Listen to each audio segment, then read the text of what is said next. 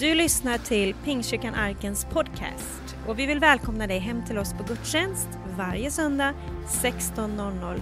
Välkommen hem! Vad mycket folk det är här. Trodde ni att det skulle vara så mycket folk ikväll? Va? Trodde ni det? Trodde ni det? Jag är ju mycket i Sydamerika och Afrika så jag är ju van att de svarar. Har ni kommer ihåg det när jag pratade sist? Vad härligt! Stor frid! Stor frid! Förr i tiden då sa man frid i kyrkan. Och jag har, jag har sagt det hela mitt liv tills för nio år sedan. Min brorsa Gunnar han sa till mig, sluta med det där, folk fattar ju inte vad du säger. Så han började säga tjena. Men jag, jag fortsatte med min frid tills för nio år sedan när jag skulle uppvakta, eller jag blev kallad till en fest med 80-årsfest. Elon Svanell, är det någon av er som kommer ihåg honom? Tycker inte illa om honom för det jag berättar nu, men hans fru ringde mig och skulle bjuda mig på deras, hans 80-årsfest. och då, då pratade vi en stund och så där. Först bjöd hon mig och jag sa att jag kunde komma. Och så pratade jag med Elon. Och så, sa, så mm, när vi hade pratat färdigt så sa jag som jag brukar säga när vi skulle sluta. Jag var ute och gick och hade den där eh, i örat och och då säger jag till slut till honom, ja frid då Elon, ja frid säger han. Men så slut, så har, man, har ni varit med om det där att båda två glömmer bort att lägga på? Har ni varit med om det? Så han glömde lägga på och jag också. Och så hör jag hur han säger till sin fru Gitten, tänk att han håller på med det där friden. så då slutar jag. Det är ju hemskt egentligen va. Så om det är någon av er som tycker att varför säger han inte frid, då kan ni skylla på Elon Svanell. Men jag menar ju frid ändå, för tänk att få tillhöra Jesus, visst är det bra? Va? Och, och, och, det är ju så här att hela julen handlar ju om Jesus Kristus. Jag var lite nyfiken och frågade bara. Han berättade att det var möte på julafton klockan 11. Jag går inte på sånt. Jag har nämligen missat tre julottor sedan 1965. är det någon som går på julotta får se? Nej du, det är inte en enda människa här. Är det ingen som går på julotta? Hörrni, då rekommenderar jag er att pröva det i år. Julotta det är något alldeles speciellt att få höra på morgonen hur Jesus har kommit till jorden. Jag heter David Johansson och jag är predikant och jag har ju varit det i ganska många år och jag älskar att få predika. Jag tror att kvällen blir lite mer en julhälsning. Jag är fascinerad över denna, detta inträde som Jesus gör på jorden. Han, han förenar ju hela mänskligheten. Skapelsen är representerad genom stjärnan som lyser. Himlen är representerad genom änglarna som sjunger. Hedarna, arbetare är representerade genom hedarna, de fattiga är representerade genom hedarna, de rika är representerade genom vise männen, vetenskapen är representerad genom vise männen. Alla är på plats när Jesus kommer. Och det är helt fantastiskt, detta, denna stora glädje som, som kommer in på jorden genom Jesus och som förenar oss. Man kan resa över hela jorden och möta människor som har mött Jesus. Jag läste, jag tycker om den här berättelsen när Maria blir ju havande och så möter hon Elisabet. Och när hon möter Elisabet så, eh, så hur är det det står? Det spritter till i henne och i Elisabet. Har ni läst den texten? Därför att båda två hade ju fått någonting som hade hänt inom dem. Och det är ju det som händer när man kommer på en konferens eller åker på en båt eller träffar folk och så börjar man prata med varandra och så upptäcker man, hon är ju också kristen. Det spritter till där inne. Är ni med mig? Vad är det? Jo, vi har ju ett liv som har kommit in i oss och alltihopa är genom Jesus Kristus. Jag sa att jag inte skulle röra mig idag, nu ser jag att jag börjar göra det redan. Jesus är så fascinerande och jag tänkte lite grann så här och jag bad till Gud, vad ska jag tala om? Och eh, naturligtvis om Jesus, men ska jag prata om julbudskapet? Men det som kom till mig var jag ska intervjua någon i Bibeln. Vem är egentligen Jesus för dig? Eller vad tycker du är bra med Jesus? Vi skulle egentligen kunna göra en sån intervju med allihop. Du kan gärna tänka till. Men jag kommer att tänka på en kvinna i Johannes evangeliet i det fjärde kapitlet, kvinnan vid Sykars brunn. Jesus är ute på vandring och eh, så kommer, han har gått, han blir trött. Bara en sån härlig sak när vi tänker på Jesus, att han blev trött. Jag återkommer till det. Men det är ganska skönt att Jesus också blev trött. Men han är ute och vandrar och kommer genom, genom Samarien och kommer till Sykars brunn. Så sätter han sig ner vid brunnen och där kommer en kvinna. Och han träffar denna kvinna vid Sykars brunn. Kvinnan var inte vem som helst, Jesus var inte vem som helst. Kvinnan hade inte lyckats, om nu någon vet vad lyckas är för någonting, men hade inte lyckats så bra genom livet. Hon hade vad heter det, haft fem män och jag vet inte hur många hon hade nu heller. Den hon hade nu var inte hennes. hade inte varit så lätt för henne och hon fick liksom smyga ut där på dagen för att man fick ju egentligen, en man fick ju inte, man fick inte prata med en sån kvinna som hon. Och eh, man fick inte vistas tillsammans med henne på dagen. Det var liksom en kamp mellan judarna gillade inte samariterna och det var en kamp emellan där och, och eh, den här kvinnan skulle egentligen inte få träffa Jesus på det sättet eller träffa en man eller sitta ensam med en man. Så kommer han är trött och sätter sig vid brunnen och börjar prata med henne. Och hon upptäcker ganska strax att eh, han, han är profet. Hon vet precis vem, han vet precis vem hon är. Han vet hur hon har det.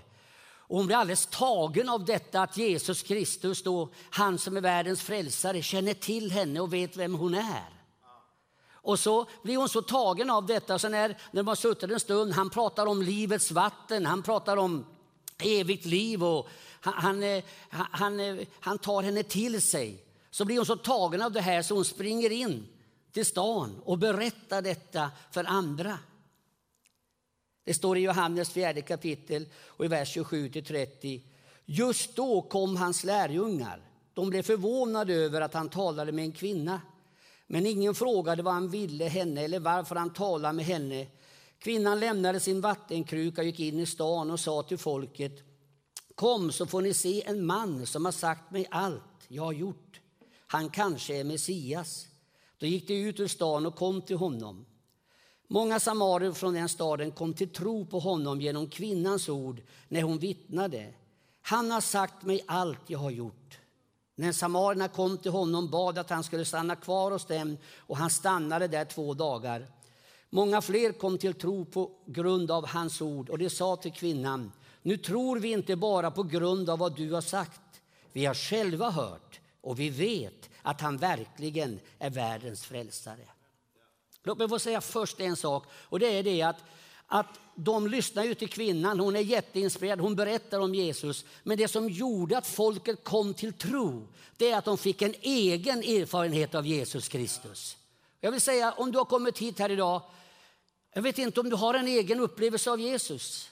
Kanske du har kommit hit idag som har kommit hit därför att dina föräldrar har sagt till dig att du borde gå på ett möte under hela julen. Och varför inte gå på söndag, kanske är lite folk också så du kan bara smita in och gå hem. Jag vet inte vem du är.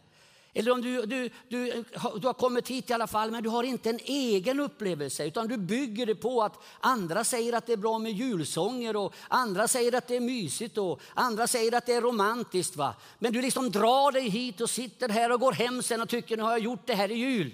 Då vill jag berätta, ska du få en verklig erfarenhet av det här, då ska du möta Jesus ikväll. Det är alltså en egen erfarenhet som man behöver av Jesus. Och det är det som gör att det håller hela livet. Jag bestämde mig när jag var liten. Jag ska vara frälst, sen får folk säga vad de vill. Och jag har aldrig bett om ursäkt för att jag tror på Jesus. Och jag sa så här till Jesus, om jag ska vara frälst, då ska jag vara härligt frälst. Det var någon som frågade mig när jag gick in, är du laddad? Laddad? Man står ju på laddning hela tiden. Eller hur? Ja. När man lever med Jesus, det är inget tvivel, utan man säger till Jesus, tack att du är med mig, tack att du ger mig kraft, tack att du är med mig, tack att du ger mig frid. Och man får faktiskt vara glad i Jesus. Och en broder som skulle vittna och berätta om sin frälsning, han sa att jag är så frälst så jag är glad, sa han. Han menar att han var glad för att han var frälst, men han sa fel. Men vi är faktiskt glada i Jesus Kristus. Så låt mig säga det ikväll. Vi behöver en egen upplevelse av Jesus en egen erfarenhet av honom. Inte att mamma sa det, pappa sa det, kusinen sa det, pastorn sa det. Jag säger det! Vi har hört av andra, vi blir inspirerade av andra. Men det är en egen upplevelse. Men du kära kvinna, människa, medmänniska som sitter där vid brunnen och springer in till stan. Vad var det för särskilt med Jesus? För min egen del, för mig, David Johansson, så är det så att det är det här vardagliga. Alltså för mig är det inte det där, jag tycker det är roligt ikväll, jag tycker det är roligt att predika, jag tycker det är härligt med gudstjänster. Men det är inte det stora för mig. Det stora för mig det är de där stunderna vid brunnen. Förstår du vad jag menar? Alltså det är de där vardagsstunderna. Och jag tror att hon skulle svara mig så här. Jag mötte Jesus vid brunnen och han satte sig bredvid mig. Alltså närheten. Förstår ni vad jag säger? Alltså för mig är det så här, den här närheten som jag får ha med Jesus. Eftersom Jesus var trött av vandringen satte han sig där vid brunnen. Det var omkring sjätte timmen. Då kom en samarisk kvinna för att hämta vatten. Jesus sa till henne, ge mig att dricka. Alltså de där vardagsupplevelserna som man får ha med Jesus. Och jag gillar det här att det står att han var trött. Är det någon av er som är trött i jul? Är det någon som har varit trött? Får se, räck upp en hand på sig. Ja, vad härligt. Du vet, när man är trött då kan man tänka, det var Jesus också. Han är med oss när vi är trötta. Det är ju inte så att man måste tänka, oh det är lovsång, det är lovsång, nu sjunger vi, nu sjunger vi. Nej, lägg dig på sängen och säg, jag är trött, det var Jesus också. Visst är det skönt? Så det är inte så att man behöver jaga upp sig, vara någon jättestämning. Man kan vara trött. Vi satt och pratade här häromdagen, jag och teamet, som teamträningsteamet här. Och då sa en av tjejerna, hon sa så här, jag ska till Ullared. Vet du, kan man bli bara trött att höra namnet. Ullared, vet du. Ja, jag kände direkt, vet du, för min fru tvingar ju dit mig en gång per år. Och jag tycker att inte alls att det är jätteroligt. Nu går jag inte med hela tiden. Men vi kan vara trötta och då är Jesus med oss. Jag vet inte om ni är så här, om du är så barnsligt vardagstroende som jag är. Men säkert är du det. För jag tänker det handlar ju mycket om att jag vill ju också det, man ska be om kraft och den helige ande ska komma över och man ska bli helad och allt möjligt. Har ni sådana här upplevelser som jag berättar nu? Jag var på flygplatsen i Mexico City, det är kanske tio år sedan. Och jag var verkligen trött. Nu har jag en liten förmån, så jag har flugit så mycket så jag har kort som gör att man får gå in i en lans och sådär. Men den här dagen så var det så att jag, hade, jag är lite fumlig om mig också och tankspridd dessutom. Så lämna inga grejer med mig som jag ska frakta någonstans. Men i alla fall så hade jag lyckats trassla till det så jag fick gå igenom säkerhetskontrollen två gånger. Vet ni vad det innebär? Man har tagit av bältet, man har stopp, tagit ut allt ur fickorna, man har, töm, ja, man har hållit på två gånger. Och så kommer jag till lunchen och så sitter jag där, tar fram min dator och försöker jobba lite. Jag känner mig verkligen trött. Jag skulle flyga från Mexico City och till Stockholm. Och när jag sitter där så, så plockar jag ihop min dator och säger Jesus, jag, jag är jättetrött.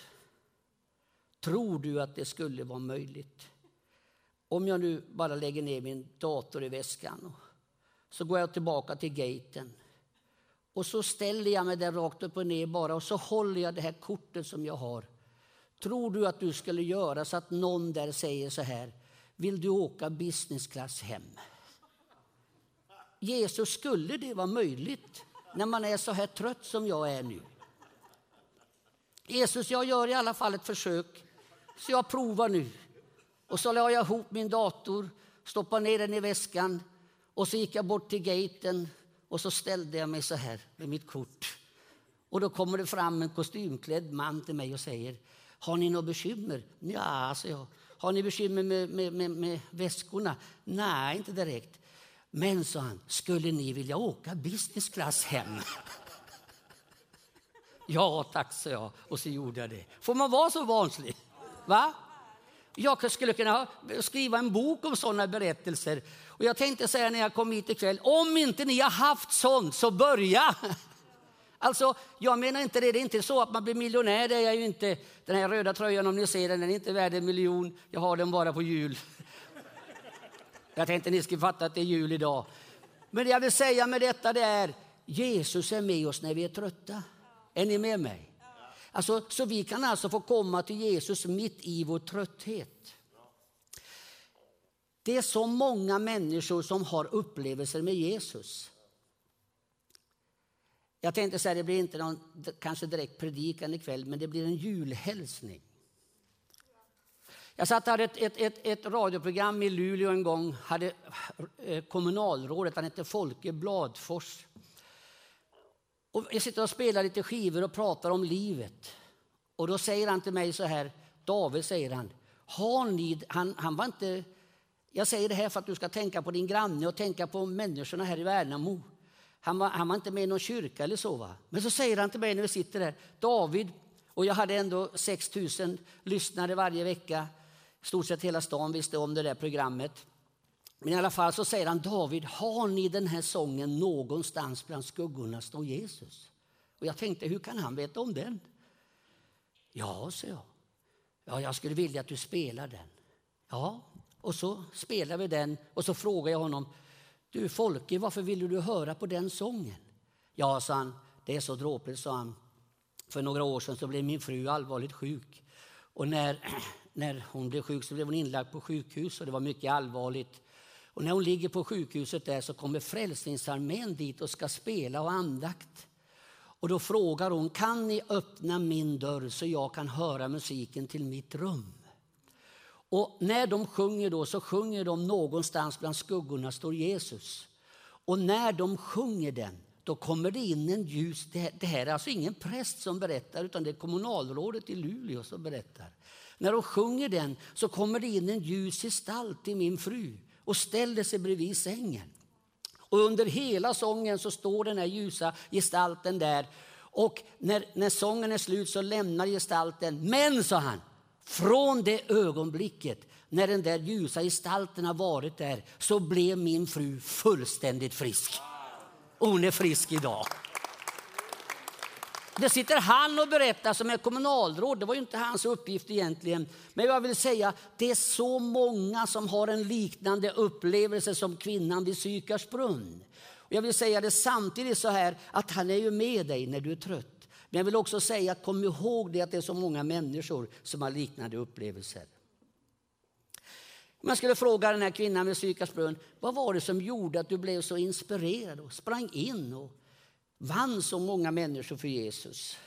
Skulle hon kunna ha sagt, han gjorde mig lugn, inte nervös. Han satt där vid brunnen och pratade med mig. Det är ju världens frälsare, det är all världs skapare. Och jag sitter helt kolugn och bara småpratar med honom. Och jag tycker det är så härligt att man får småprata med Jesus. Jag vet inte hur du har det, men inte blir du nervös när du pratar med Jesus, eller? Blir ni nervösa när ni pratar med Jesus? Och jag vill säga till dig, du som nu ska möta Jesus för första gången kanske ikväll. Man får komma till honom, man får prata med honom precis som man är. Och man behöver inte känna någon nervositet. Jag hade en tidning som hette Något för alla. Är det någon som kan komma ihåg den? Jag hade den i flera år, men den är nedlagd sedan jättelänge sedan tillbaka. Och då intervjuade jag, min affärsidé var att jag skulle alltid ha någon på första sidan som hela Sverige kände igen. Så när de såg min tidning skulle de bli nyfikna och läsa den. Och så skulle jag intervjua dåvarande statsminister, han hette Carl Bildt. Och jag skulle alltså till Rosenbad. Och jag kan väl säga att lite spak var jag när jag skulle dit. Så när, och jag hade fotografer med mig och jag hade ringt dit och, och de hade berättat för mig att när du kommer in där så kommer det att komma en och möta dig och, och den personen kommer att hjälpa dig vidare och, och föra dig dit där Carl Bildt är. Ja, jag hade ju fått det där uppskrivet och allting.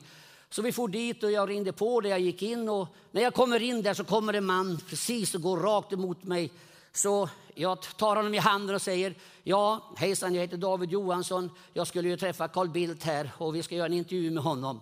Jaha, sa han, vad roligt, säger han och så går han ut. För det var en vanlig gäst han också. Men, vad roligt, sa han, så gick han ut bara. Men jag var ju så nervös när jag kom in där så det första som kom tog jag i handen och sa, här är jag. Vad jag vill säga är, när vi pratar med Jesus behöver vi inte vara nervösa. Han har skapat hela världen. Han är det största som finns. Vad är Carl Bildt? Han är ju ingenting. Jo, det är inte förresten, vad heter han, statsministern, nu kommer jag inte ihåg vad han heter, men han är ju från Norrland. Men det är ju inte han heller någonting. Det är ju ingen som är något. Men Jesus är världens frälsare. Och när vi har samtal med honom så behöver ingen av oss vara nervös. Jag fick brev av en tjej när jag hade den där tidningen också som skrev så här till mig. David skrev hon, får man prata med Gud fast man inte har någonting att säga? Hon ville bara tomprata. Har ni ringt till någon, har ni ringt till någon någon gång när ni inte har något att säga egentligen? Vet ni vad jag menar? Hej, det är jag. Ja, så kanske den andra börjar. Vet ni vad jag menar? Man vill bara surra lite. Och så skrev hon till mig, David får man prata med Gud om man inte har någonting att säga? Visst får man det. Alltså, du som har kommit hit ikväll, som funderar vem Jesus är. Vad är det för bra med honom? När du kommer hem ikväll kan du säga Jesus, jag har egentligen ingenting att säga men det var väldigt roligt ikväll. Och det var kul att vara med och jag träffade några stycken och sådär. Ja, ja, jag vet inte vad jag ska säga men det verkar som du är bra också. Är ni med mig? Har ni inte småpratat med Jesus på länge så gör det idag. Småprata med Jesus när du kommer hem, när du lägger dig. Bara småprata. Jesus, jag har inte någonting att säga direkt, men jag vill bara ha kontakt med dig. Alltså, vi behöver inte vara nervösa. Vi kan vara helt lugna. Om jag skulle fråga henne, du vad var det som gjorde att du blev så inspirerad och sprang in och försökte vinna hela stan? Då skulle hon kunna ha sagt, han kom inte med något regelverk. Han kom med liv. Den samaritiska kvinnan sa till honom, hur kan du som är jude be mig, en samaritisk kvinna, om något att dricka? Alltså judarna umgås, umgicks inte med samariterna. Det rådde fiendskap mellan, mellan judar och samariter. Och det fanns ju regelverk också om överhuvudtaget hur man skulle leva och hur man skulle vara. Men Jesus kom inte med något sånt.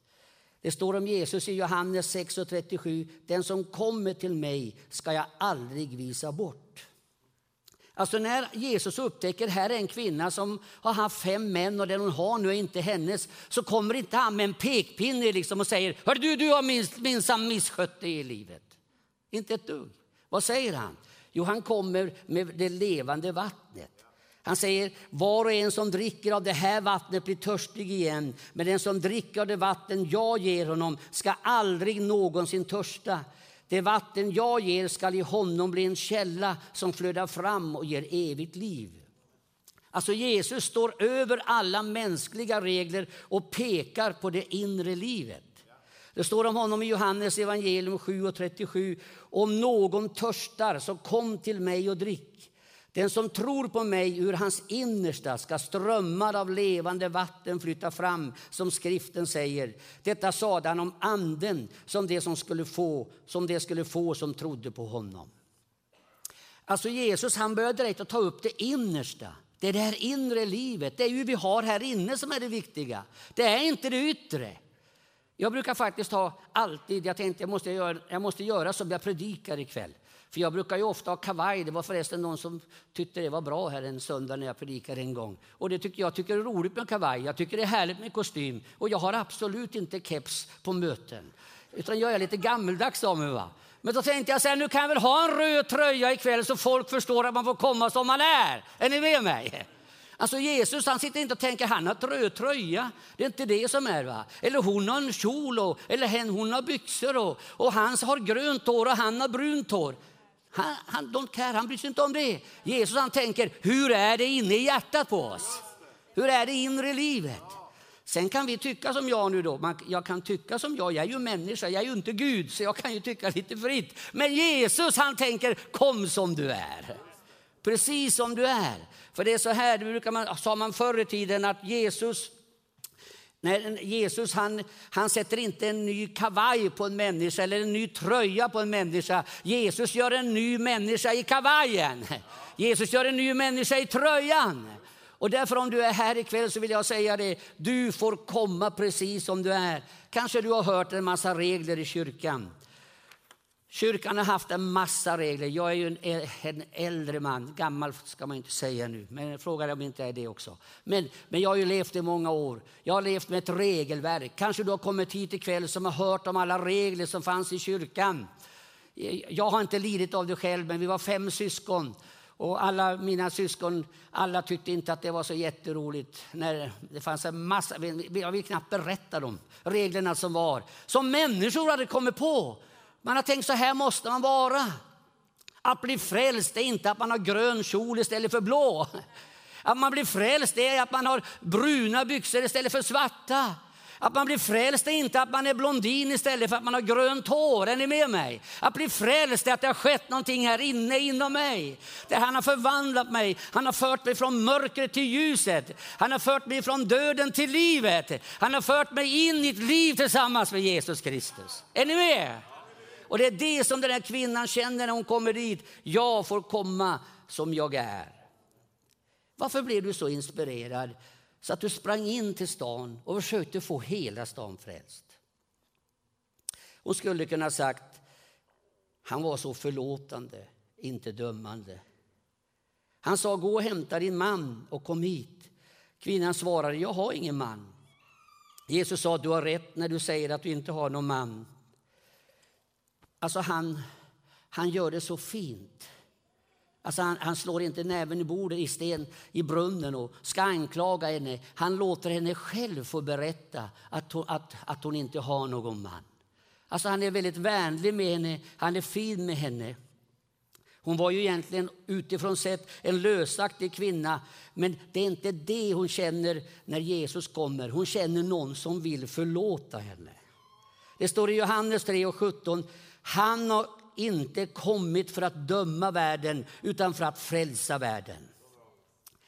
Låt mig bara säga det, när vi misslyckas så skäller inte Jesus på oss.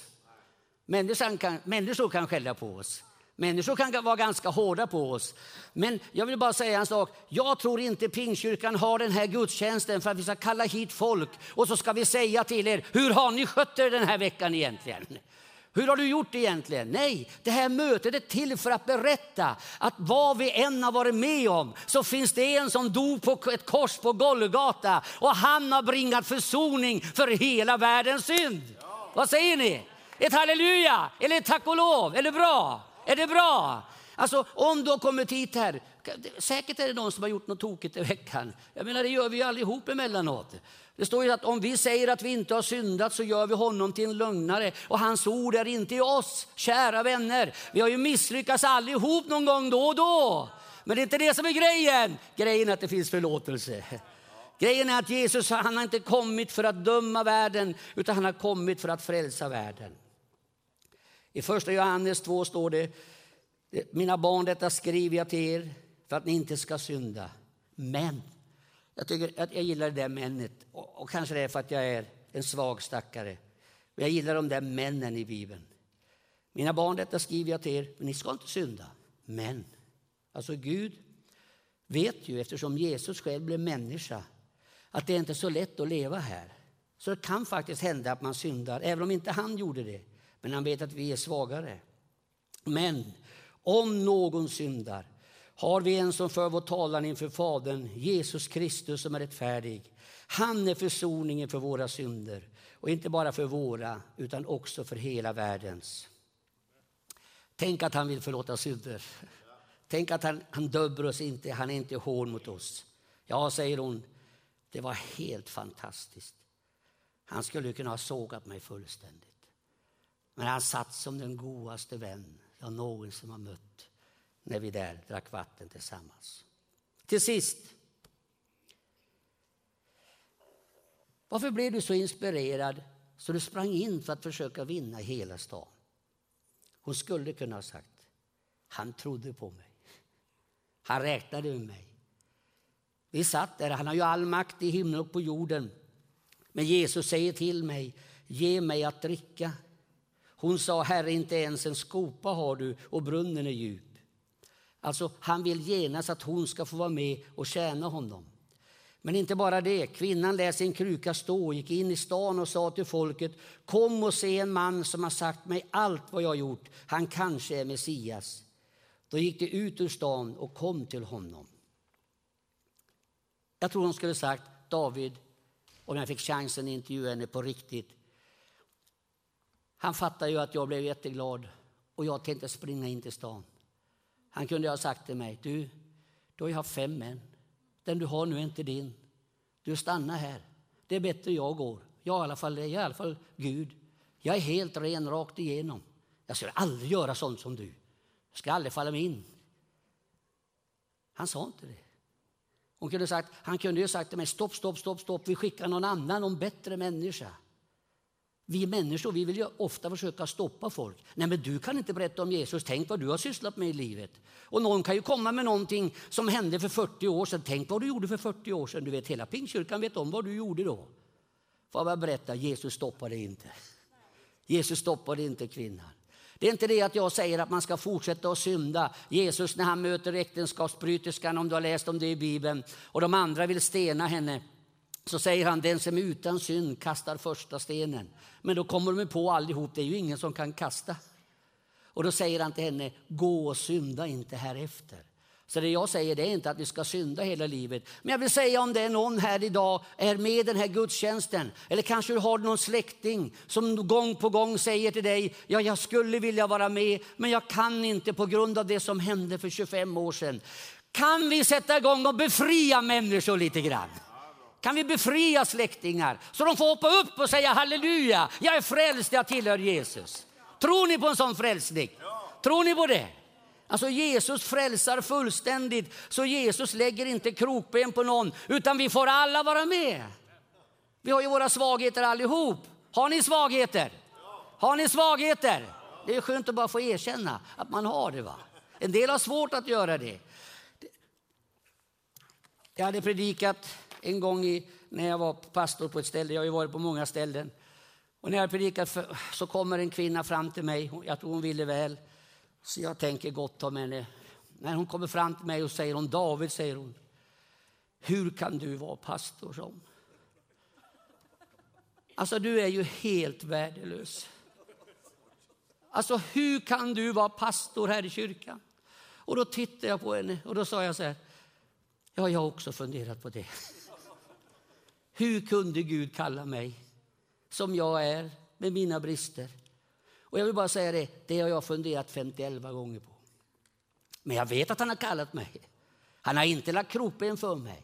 Och fast jag har hållit på och predikat i över 50 år, jag vill inte säga att jag kommer att fortsätta i 50 år, men vem vet? För nu lever man ju längre. Men jag kommer aldrig att sluta, varför det? För han har kallat mig. Därför att han lägger inte krokben på någon, utan vi får alla vara med. Du har lyssnat på söndagens predikan från Pingstkyrkan Arken i Värnamo. Vill du komma i kontakt med oss eh, hittar du oss på arkenvemo.se. Välkommen hem till oss.